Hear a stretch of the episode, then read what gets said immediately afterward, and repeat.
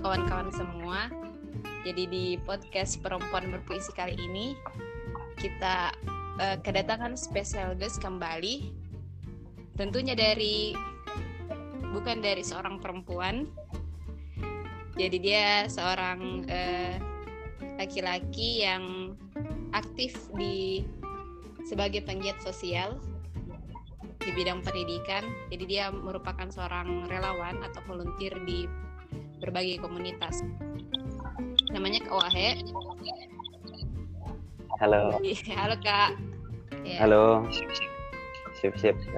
Di podcast Perempuan Berpuisi ini, saya mengundang seorang eh, laki-laki uh, dan bukan seorang perempuan.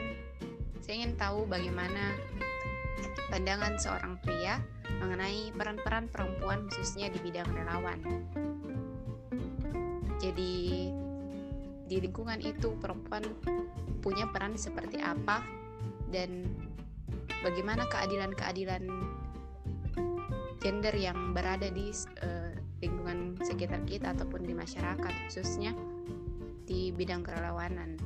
Nah, Kawai sendiri merupakan uh, seorang relawan di bidang pendidikan yang biasa saya temani juga di beberapa lokasi. Jadi kami di lokasi itu tidak ada yang namanya perempuan tidak boleh seperti ini, perempuan tidak boleh kerja ini. Kita semua berbaur, kita semua lakukan pekerjaan yang bisa kita lakukan. Eh, Kawahe bisa diperkenalkan sedikit uh, bagaimana itu dunia kerelawanan? Kenapa uh, Kak Wahe uh, sampai sekarang uh, masih aktif jadi penggiat penggiat sosial khususnya di bidang kerelawanan di pendidikan? Bisa diceritakan sedikit Kak Wahe? Bisa uh, sedikit, bisa juga banyak. Iya. Jadi kan Kak Wahe, uh, saya kenal Kak Wahe di salah satu komunitas kan sebenarnya Kawah banyak sekali komunitasnya iya kan saya kenal Kawah di komunitas uh, sekolah kolong project di mana uh, kami mengabdi selama dua minggu. Jadi Kawah ini merupakan satu ketua tim di pemberangkatan pertama di sekolah kolong project. Ya jadi kak cerita dulu kak bagaimana kesan pertama tak sebagai relawan? Bagaimana kik bisa jadi uh, relawan pendidikan kak? Apa nih kesannya? Belum saya dapat sampai sekarang sebenarnya kesannya. Jadi oh, pertama. Makanya tetap saya lakukan. Kenapa alasannya kenapa kita jadi relawan pendidikan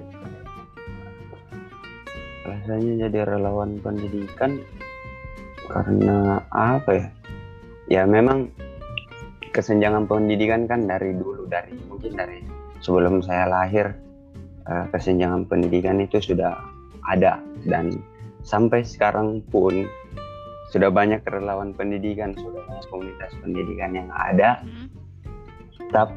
Pendidikan di Indonesia tetap ada kesenjangan. Karena memang kata sejahtera itu antara mitos dengan fakta juga sih. Udah tahu mi juga nanti ya kak. Iya iya. Um, kalau selama ini, eh Kak Wahid sudah berapa sudah berapa lama menjadi relawan kak? Kalau boleh tahu. Berapa lama deh? Dari 2018 baru baru sekali ke Kodong. Komunitas pertama kak Wah itu sebagai relawan itu komunitas sekolah kaki langit di kak? Iya iya, saya pertamanya masuk di dalam dunia relawan itu di sekolah kaki langit. Pernah sih sebelumnya tapi tidak masuk tidak join. Bagaimana sekali? Ada di uh, KPAJ di tahun 2015 kalau nggak salah kalau bukan 2015 2016 saya agak lupa juga itu awal awal-awal di kota Makassar kalau menurut Kak Wahe arti kata volunteer atau kata relawan itu seperti apa Kak menurut pandangannya Kak Wahe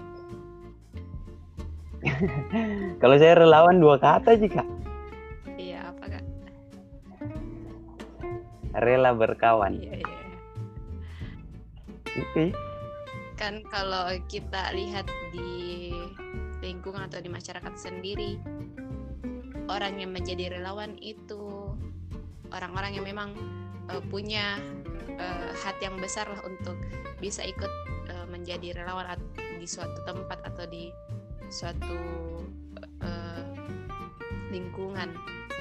Nah kalau Kak Wahe lihat kalau Kak Wahe bisa diberikan suatu pilihan mau kerja sebagai relawan atau uh, kerja di kantor seperti orang kebanyakan Kak? sampai sekarang ya kak sampai sekarang iya. itu masih uh, tetap uh, hidup di dunia relawan karena kerja pun belum ada tapi uh, bisa jadi uh, misalnya saya punya kerjaan nantinya iya. dunia itu tidak akan saya tinggalkan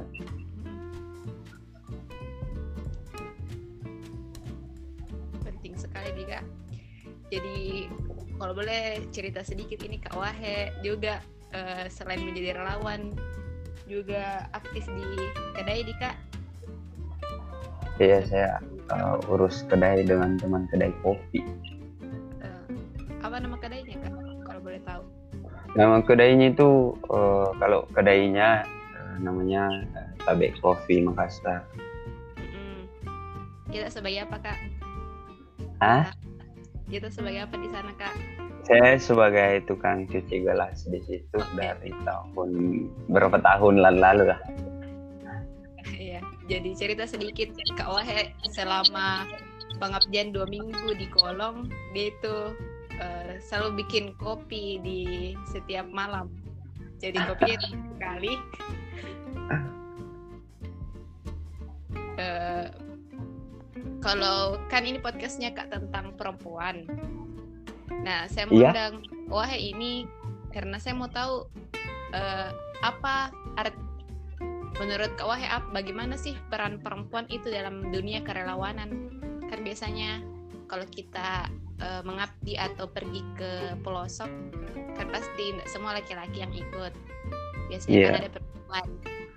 Nah, menurut Kak Wahai peran perempuan dalam dunia kerelawanan itu seperti apa, Kak? Peran perempuan dalam dunia kerelawanan sama halnya peran perempuan dalam rumah tangga sebenarnya. Maksudnya, Kak? Bukan sebagai tukang mas? Bukan lah. Dalam rumah tangga kan perempuan bukan cuma jadi tukang masak. Sebenarnya eh, anggapan apa ya anggapan dunia relawan anggap saja rumah tangga mm-hmm. semua punya uh, porsi masing-masing dalam rumah iya. dan perempuan itu uh, ada ada hak sendirinya juga ada hak sendirinya juga dalam uh, dalam kelompok dalam masyarakat kecil karena masyarakat kecil itu adalah keluarga jadi keluarga itu ada di rumah jadi contoh kecil dunia relawan seperti itu sebenarnya menurut saya kak bahwa perempuan itu punya porsi sendiri uh, punya punya tanggungan sendiri dan punya hak sendiri dalam dunia kerelawanan. Apalagi pendidikan, pendidikan itu umum sekali. Umum sekali, siapa pun bisa menjadi pendidik, siapa pun bisa uh, terdidik, dan siapa pun bisa dididik.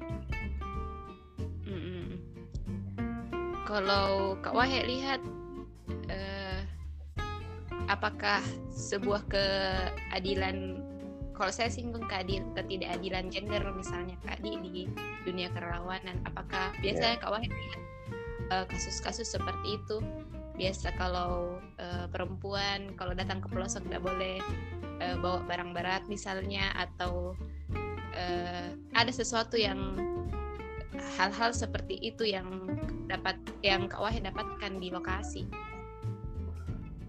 Atau mungkin ada kasus yang Kak Wahid dapat di lokasi misalnya di masyarakat di pelosok beberapa pelosok yang pernah Kak Wahid datangi. Sebenarnya kalau uh, saya Kak pelosok yeah. itu tempat kesetaraan yang tidak punya aturan sebenarnya persoalan gender kalau mau kalau, kalau saya Kak kalau saya kalau saya lihat persoalan gender. Di pelosok itu salah satu contoh sebenarnya. Apa persoalan-persoalan gender yang ada di kota? Apa persoalan-persoalan gender yang ada di hidup? Karena beberapa contoh beberapa sampel kecil saya dapatkan di pelosok tentang kesetaraan. Itu kalau orang-orang umum lihat sih orang awam lihat. Kalau misalnya orang kota ke ke pelosok dan lihat bahwa kenapa lebih banyak perempuan yang kerja di sawah ketimbang laki-laki kalau mau dilihat. Iya. Kenapa perempuan itu mereka yang menanam padi? Laki-lakinya di mana? Mereka yang garap sawah. Itu bentuk kesetaraan yang tidak ada aturan sama sekali. Karena memang kesadaran sosial yang muncul di pelosok itu kuat sekali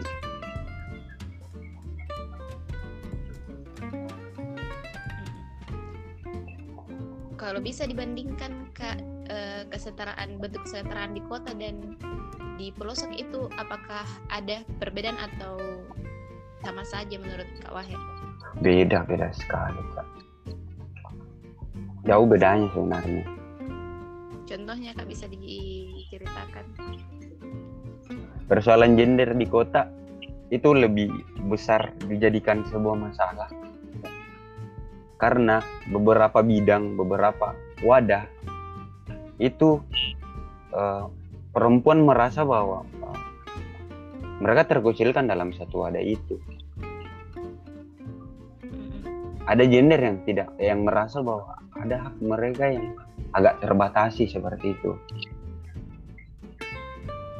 Ah, di, di, di pelosok atau di kampung persoalan gender itu kayak bukan bukan sekali momok yang menakutkan kalau di eh, kampung atau pelosok karena eh, yang lebih menakutkan adalah besok kita akan makan apa ketika tidak menanam.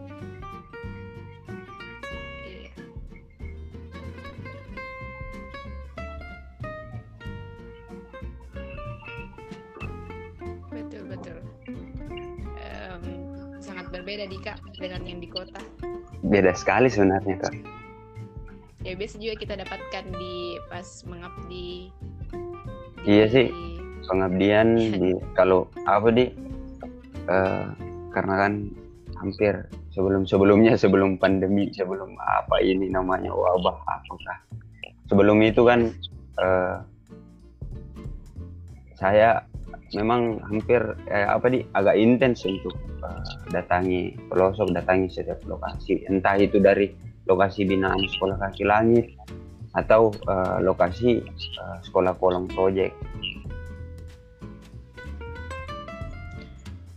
di setiap pelosok kan kemarin yang Kak Wahe datangi kan ada beberapa pelosok. Ada berapa lagi Kak? berapa sih? Satu, tiga, lima, enam, tujuh, eh, sekitaran itulah? Oh, tujuh tujuh. tujuh sampai sepuluh. Eh, di setiap pelosok yang Kak Wahe datangi, eh, apakah punya perbedaan atau ciri khas dari setiap eh, kebiasaan orang-orang di sana mungkin masyarakat-masyarakat yang ada di sana Kalau atau kebiasaan ada ada pasti bedanya ada pasti bedanya. Tapi tidak dominan sekali bedanya bagaimana karena eh, pelosok yang kebanyakan saya datangi sampai sekarang itu masih dalam ranah Sulawesi Selatan. Dalam ranah yang hampir satu sama bu, hampir hampir sama budayanya. Iya hampir sama. Jadi eh, tapi identitas setiap daerah itu beda-beda sebenarnya. Identitas setiap lokasi beda-beda. Yang satu kabupaten pun, satu desa pun, beda dusun, itu beda. beda kebiasaan Kak Beda kebiasaan karena salah satu eh, kenapa beda kebiasaannya itu persoalan di lahan sebenarnya. Satu yang dusun satu itu lebih dominan di sawah, yang dusun satu itu memang dominan perkebunan. Sawahnya itu sawah eh, apa namanya? Sawah tanah kering, sawah darat. Eh, kalau orang kampung bilang padi darat, padi darat untuk penanamannya. Jadi mereka lahannya itu kebun untuk tempat eh, tempat menanam padi, bukan sawah. iya iya oh beberapa juga ada yang berkebun di ada ada yang berkebun beternak juga sebenarnya ada. Pelosok kan kantoran itu jarang sekali kan pelosok. Pak RT-nya saja kadang tidak merasa bahwa dia dia Pak RT karena untuk wilayah kerja hal seperti itu mereka tidak terlalu paham. Kalau kondisi sekolah misalnya kak? Kondisi sekolah dari setiap lokasi uh, lokasi yang mana yang minim sekali uh, fasilitas pendidikannya. Kalau untuk sekarang masih lokasi sekolah kolong project sebenarnya kayak masih minim sekali. Masih anunya karena kan uh, tahun ini uh, lokasi kelima sekolah kaki langit itu sebenarnya minim juga. Dulu mereka sekolah di masjid tapi alhamdulillah akhir tahun lalu uh, proyek pembangunan sekolah dari uh, pemerintah Kabupaten Bone uh, pembuatan gedung sekolah ruangan sekolah dua di lokasi binaan kelima sekolah kaki langit di eh, di Kampung Lurai di Kecamatan Bontocani. Itu sekarang eh, adik-adik sekolah di gedung sekolah. Dari dari awal saya pertama ke sana itu di bulan Januari. Di bulan Januari ke sana Kak. Dan ternyata eh, adik-adik itu sudah tidak belajar di masjid lagi. Mereka sudah masuk di eh, gedung sekolah tapi belum diresmikan. Karena memang rencananya di tahun ini akan diresmikan makanya tetap saya tunggu kabarnya kapan peresmian gedung sekolah baru karena uh, saya kayak merasa sudah janji dengan uh, nenek dengan Nambo dan Pak RT, Ibu RT dengan warga di sana bahwa eh, nanti kalau peresmian akan datang kak. Yang di Lurai. Iya, yang di Lurai di Kampung Lurai. Dia masuk Kabupaten Bone, ke batas Kabupaten ujung Kabupaten Bone batas dengan Kabupaten Maros dan Kabupaten Goa. Kalau lokasi yang paling kita suka yang mana kak? Lokasi yang paling saya suka. Iya. Lokasi yang paling saya suka sampai sekarang sebenarnya di mana saya lahir jadi relawan pendidikan di sekolah kaki langit. Saya lahir di lokasi oh, Binan keempat. Eh, di mana tuh kak kalau boleh tahu? Uh, di Dusun Bonto Manai. Saya kasih lengkap nada di tempat ada yang dengar dan mau ke sana silakan bebas sekali juga ya.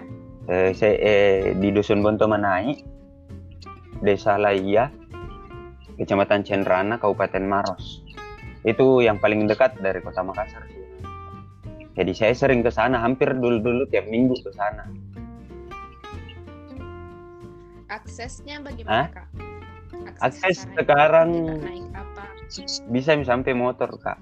Luar biasa nih apa jalan gitu. Lumayan sekali jalanannya kak. jadi bisa di mobil, mobil kalau musim kemarau ya. insya Allah bisa jika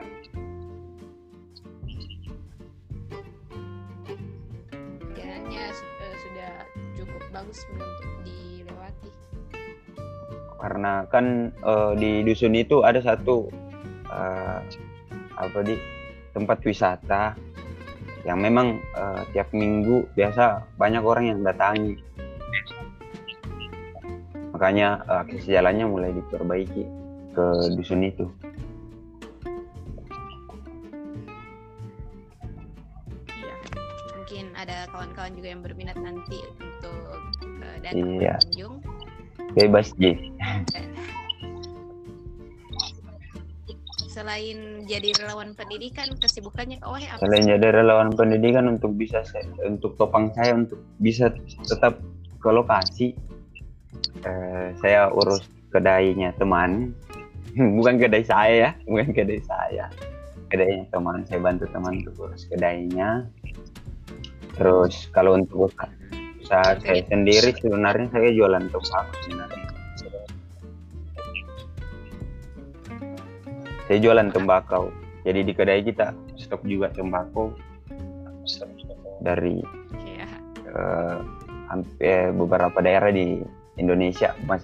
Untuk lokalan lokal Sulawesi Selatan belum saya stok. Sempat saya stok tapi tidak terlalu banyak. Jadi sedikit bocoran ini Kak Wahid di setiap pergi eh, ke pelosok dia itu selalu bawa eh, kaleng-kaleng kaleng apa, iya. Rokok di rokok yang isinya cuma tembakau. Bukan rokok. Jadi oh anu di. Eh, tembakau iya tembakau dalamnya. Jadi saya di kolong eh, setiap kita pergi ke rumah warga itu pasti ada dikasih keluar. Senjata sebuah utama. Itu senjata utama. Senjata utama untuk komunikasi supaya kalau pulang itu ada yang kita bawa Oleh-oleh. juga. Kan atau apakah? Iya. Eh, selain itu kak se- kegiatan-kegiatan sosial lainnya yang pernah eh, kak Wahe relawan Itu- bencana sebenarnya iya relawan bencana. Dan sebenarnya eh, eh, apa ya eh, menguji diri sebenarnya juga Kak, awalnya untuk aktif di relawan bencana dan ternyata keren sekali sebenarnya Kak.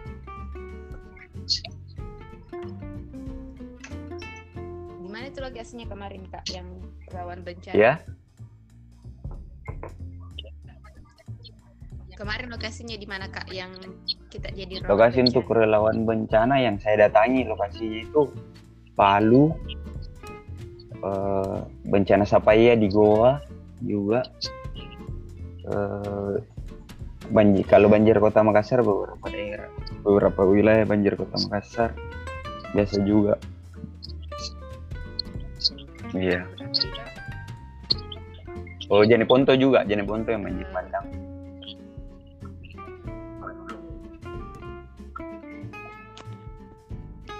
Selain kalau Kak Wahe, menurut Kak Wahe, apa uniknya ini kita jadi relawan pendidikan maksudnya?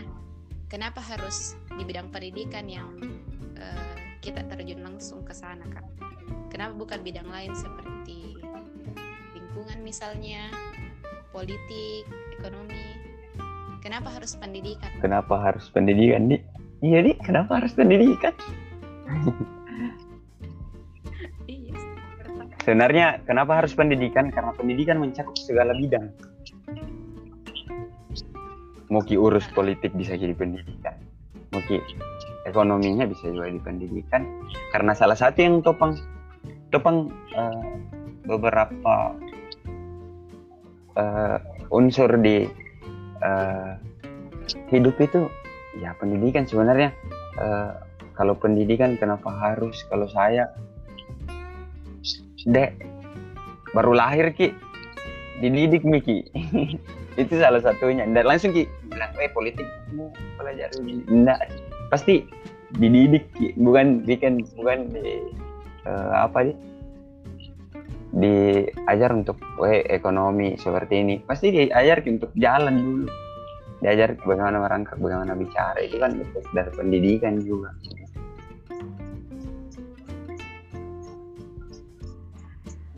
Pertanyaan terakhir nih kak. Em, kesan pertamanya kak Wahe mengajar di kelas di pelosok itu seperti apa? Kesan Kesan pertama pertama mengajari pelosok uji nyali saat Iya, kita uji berhadapan nyali. sama siswa uji nyali sebenarnya Kak, karena saya eh, orang yang sebenarnya tidak terlalu suka sebenarnya anak-anak iya entah kenapa ini saya tidak terlalu suka sebenarnya anak-anak. Kita- kebanyakan kita di kelas Hah? ya kak.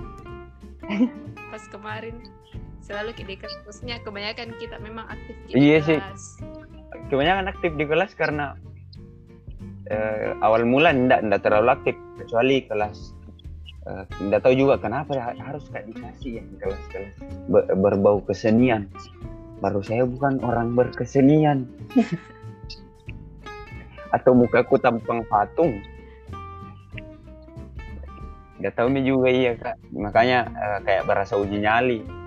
Di awal mulanya saya masuk eh, relawan pendidikan mengajar pelosok hadapi adik-adik. Dan ternyata eh, apa di kayak berasa uji nyali kak juga tapi uji nyalinya uji nyali berkesan ke, berkesan deh. Ber apa namanya? Uji nyali belajar. Makanya eh, dari situ saya berpikir mi juga bahwa ternyata bukan kak untuk membawa apa-apa.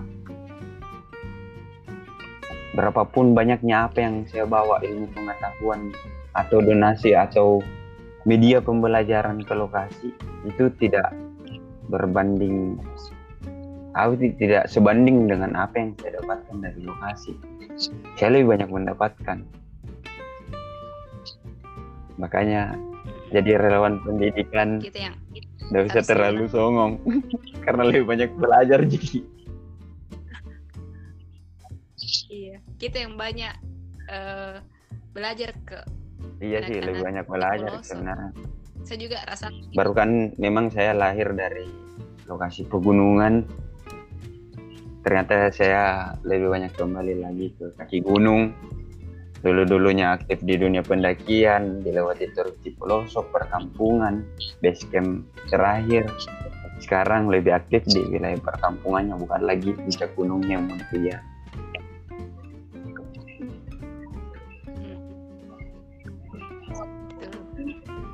Kalau ke depannya Kak Wahe, kita punya rencana-rencana apa ini Kak?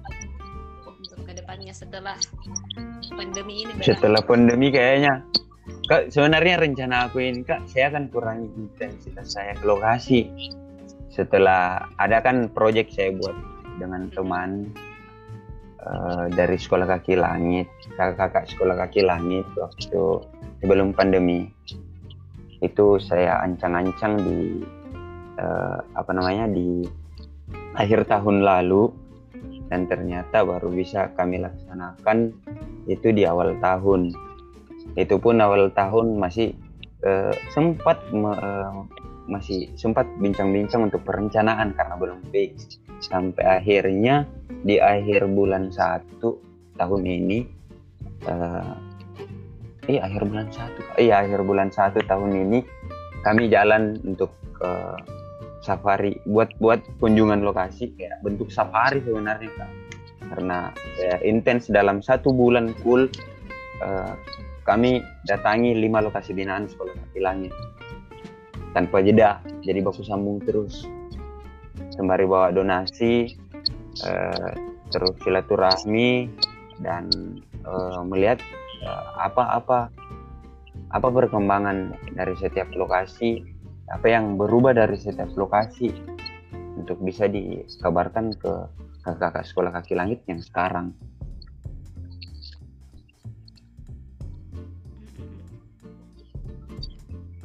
Iya.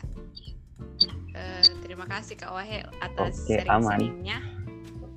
Jadi sebelumnya Sudah Kak, maaf. sebelum sebelum berakhir mungkin ada kan ini judul Iya. podcastnya Kak perempuan dan puisi. Jadi mati Kak. itu apa yang gue bilang bilang saya bukan orang berkesenian tapi selalu diarahkan ke wilayah yang berbau kesenian sedikit karena begini teman-teman di lokasi itu Kak Wahe selalu baca puisi setiap waktu kosong. bukan baca puisi itu Jadi ada beberapa terus ada berapa ada beberapa videonya itu yang eh, mengajarkan anak baca puisi, bikin puisi, terus eh, ada beberapa musikalisasi puisi dari Kak Wahe. Jadi saya mengundang Kak Wahe untuk membacakan sebuah puisi Kak. Terserah kita mau baca puisi, Puisi. apa. deh baru saya Ada- ada puisiku puisinya orang jarang juga Eh, aku baca jika puisi, puisi yang kita eh, suka mungkin puisi yang kita suka yang selalu kita baca. tidak aku tahu itu siapa puisi yang biasa langsung ya kak hmm Ada siapa pun itu kak. Ada siapa pun itu sih sepatah dua Itu, patah Mi. kata lah kak. sebenarnya ada puisi yang sudah berapa kali saya baca Berebut. yang eh, bukan puisi saya nah bukan puisi saya itu puisi Iya. Eh, dia puisinya Puisinya siapa, Susiawan Leo Kalau boleh. Agustusan di Palestina. Judulnya? Eh, kalau cerita, eh, tentang cerita puisinya. tentang puisinya itu eh, Sosiawan Leak itu menceritakan tentang bagaimana perbandingan Agustusan di Indonesia dengan Agustusan di Palestina. Tapi lebih menggambarkan tentang eh, di Indonesia ten- tentang euforia euforia eh apa di Eh, euforia Agustusan yang eh, dia gambarkan tentang bagaimana pahlawan di saat yang memperjuangkan Indonesia kayak begitu. Jadi kayak bersifat karnaval ki. Di panggung pertunjukan tembak-tembakan tapi pakai tembak-tembakan mainan gitu panjat pinang apa. Dan di Palestina uh, Susiawan lihat gambarkan tentang bagaimana senjata yang betulan betulan senjata. Bukan lagi hal-hal yang mainan kayak begitu. Eh, bom yang memang betulan bom sampai-sampai bangku sekolah kosong. Karena ke sekolah pun eh ke sekolah lebih eh apa di jadi sesuatu yang menakutkan untuk keluar dari rumah. Dan di dalam rumah pun lebih menakutkan lagi karena eh apa eh, bom dibombardir ke ke sana kemari. Jadi tidak ada tempat untuk bisa pelarian yang dirasa bahwa ini sudah aman. Lokasi pengungsian saja itu masih tidak aman sekali. Jadi sesuatu lihat kayak dia ceritakan perbandingan eh, 17-an Agustusan itu di Indonesia seperti ini. Kita membersihkan halaman sama-sama gotong royong bersihkan selokan dan lain sebagainya dengan bersifat yang gembira. Kayak riang sekali gitu kan. Tapi di Palestina Agustusannya mereka asli Agustusan. Mereka berjuang sekali untuk bagaimana bisa bertahan hidup. Kayak begitu. Kenapa saya suka eh, eh, puisi itu dan beberapa kali pernah saya bacakan Jadi untuk kawan-kawan, kita ada pembacaan puisi dari Kawahe. Judulnya apa kak? Agustusan di Palestina Judulnya Agustusan di Palestina. Selamat menikmati untuk eh, kawan-kawan pendengar podcast Perempuan Berpuisi. Silakan kak. Oke, terima kasih Kak Amel biasa dipanggil Amal.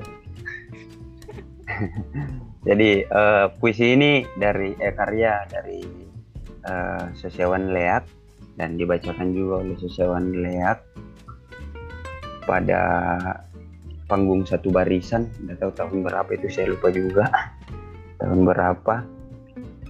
Dia panggungnya doa untuk Palestina. Jadi saya bacakan sedikit atau sampai selesai eh, tergantung dari keamelnya juga kalau masih mau dengar. Bacakan juga, oke.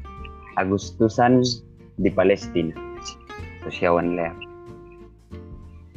Di kampungku saat tujuh belasan anak-anak bernyanyi gembira. Meski internet dan sekolah semakin menggila. Narkoba dan kekerasan bersekongkol dengan kembang guna.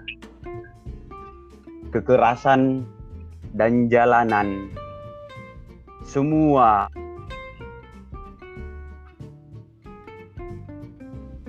Ceria. Berlari karung. Bersepeda hias. Dan berpanjat pinang serta tembak-tembakan dengan bedil mainan saat karnaval.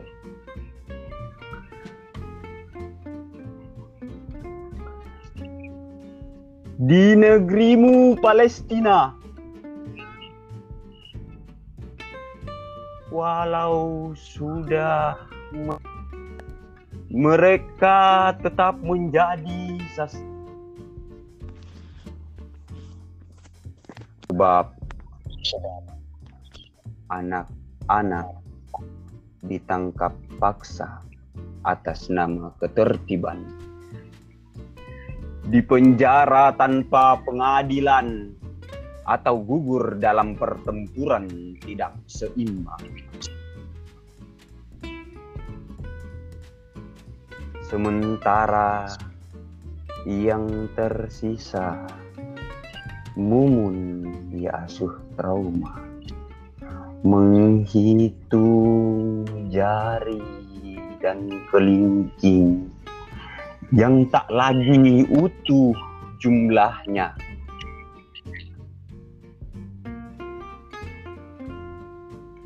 Kaki, tangan, dan kepala, mata yang ditinggal pasangannya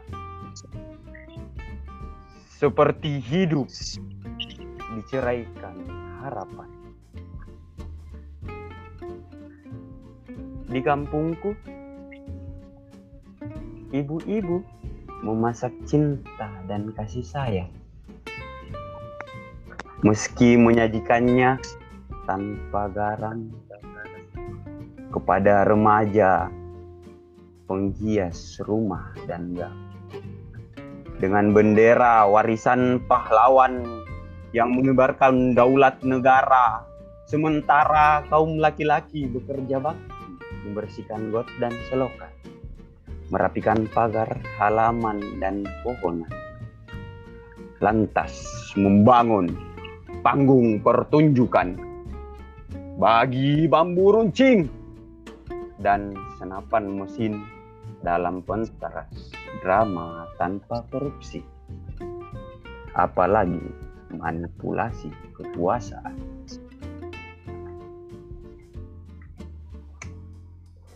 di negerimu Palestina. Ibu-ibu walau sudah di barak pengungsian terus diburu peluru-peluru Israel. Melebihi Israel. Mereka membantai para rahim menciptakan tragedi Nazi Serbia, Palestina, dan Slavina. Bahkan pembantaian padang Karbala. Agar tak sempat lahir putra-putri Palestina. Tapi seperti jumroh di Mina. Iblis tanpa mata hati dan kepala itu terus berjaya. Bahkan menari daya mencengkram akso memata-matai warga. Bahkan mencegat mereka yang hendak berjumpa Tuhannya.